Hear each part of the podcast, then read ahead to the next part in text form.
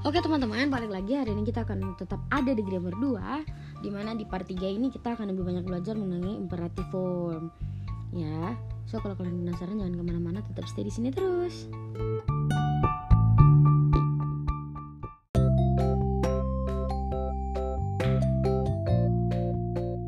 Oke teman-teman kita langsung masuk aja. Apa sih imperative form itu? Jadi imperative form itu merupakan verb yang mana si verb ini terbentuk dari dihapusnya huruf e dari infinitif. Contohnya nih, aku langsung kasih contoh aja ya. Stoppe. Saat kita bilang kata stoppe dalam bahasa Norwegia, itu di belakang huruf stopnya itu ada huruf e. Nah, si e-nya ini kita hapus. Setelah kita ada namanya penghapusan huruf e ini, otomatis yang keluar cuman kata stop. S T O P P doang yang terbentuk. Karena kita udah hilangin huruf E nya kan. Jadi dari kata yang tadi aku bilang stop itu berubah jadi stop. Which is huruf E nya hilang.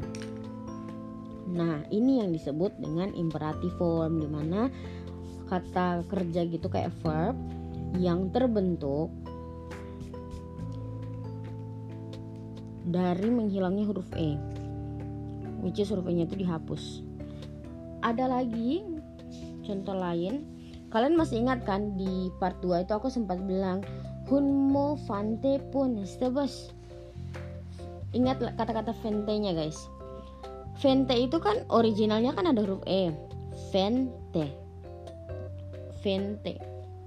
Huruf orinya ya maksudnya uh, kata originalnya tuh di kamus. Kalau kalian cari tuh kalian harusnya cari fente gitu kan untuk bikin imperatif formnya kita cuma perlu gan hapus huruf e nya jadi vente akan berubah jadi vent vent gitu. Jadi dari vente itu berubah jadi vent which is vent itu artinya wait oke? Okay?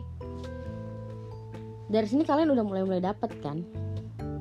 Jadi imperatif itu tinggal hapus huruf e doang dari kata utamanya. Nah saat infinitive form itu dia pendek dan dia cuman punya satu silabi which is dia kayak cuman apa ya kayak contohnya cuman tiga huruf atau dua huruf which is dia pendek lah nah imperatif ini dia akan bersifat sama dengan infinitifnya which is kalau kalian cari di kamus draw draw Nah, draw ini tuh bisa dipakai juga langsung jadi in, jadi imperatif form karena dia udah pendek, udah DRA gitu. Dia udah pendek. Nah, dra ini artinya go atau oh go. Go. Go. Kalau A di atasnya ada bulatan, itu dibacanya O. Itu tuh bisa jadi artinya itu tu. Kayak gitu ya. Jadi kalau tadi aku bilang ogo itu artinya A buletan sama G A buletan. Jadi aga. Tapi A-nya tuh yang ada bulatan itu loh di atas. Jadi berarti kata utamanya kan berarti go. Nah, si go ini kalian bisa langsung masukin ke imperatif verb karena dia pendek. Padahal ini masih bentukan infinitif. Kenapa sih bisa langsung? Ya karena dia pendek. Jadi nggak perlu ada lagi yang dipotong-potong. Go ini artinya go atau walk ya. Go dalam bahasa Norwegia itu artinya go atau walk. Dra dalam bahasa Norwegia artinya go juga. Sampai di sini ada nggak sih kalian mau nanya? Kalau kalian mau nanya kalian bisa bisa diam aku sih di at the cupcakesy dan aku akan balas diam kalian di sana. Sekaligus kalau kalian mau tanya, kalian bisa nanya di situ. Setelah pelajaran kita nanti selesai, aku bakalan adain yang namanya menjawab pertanyaan kalian.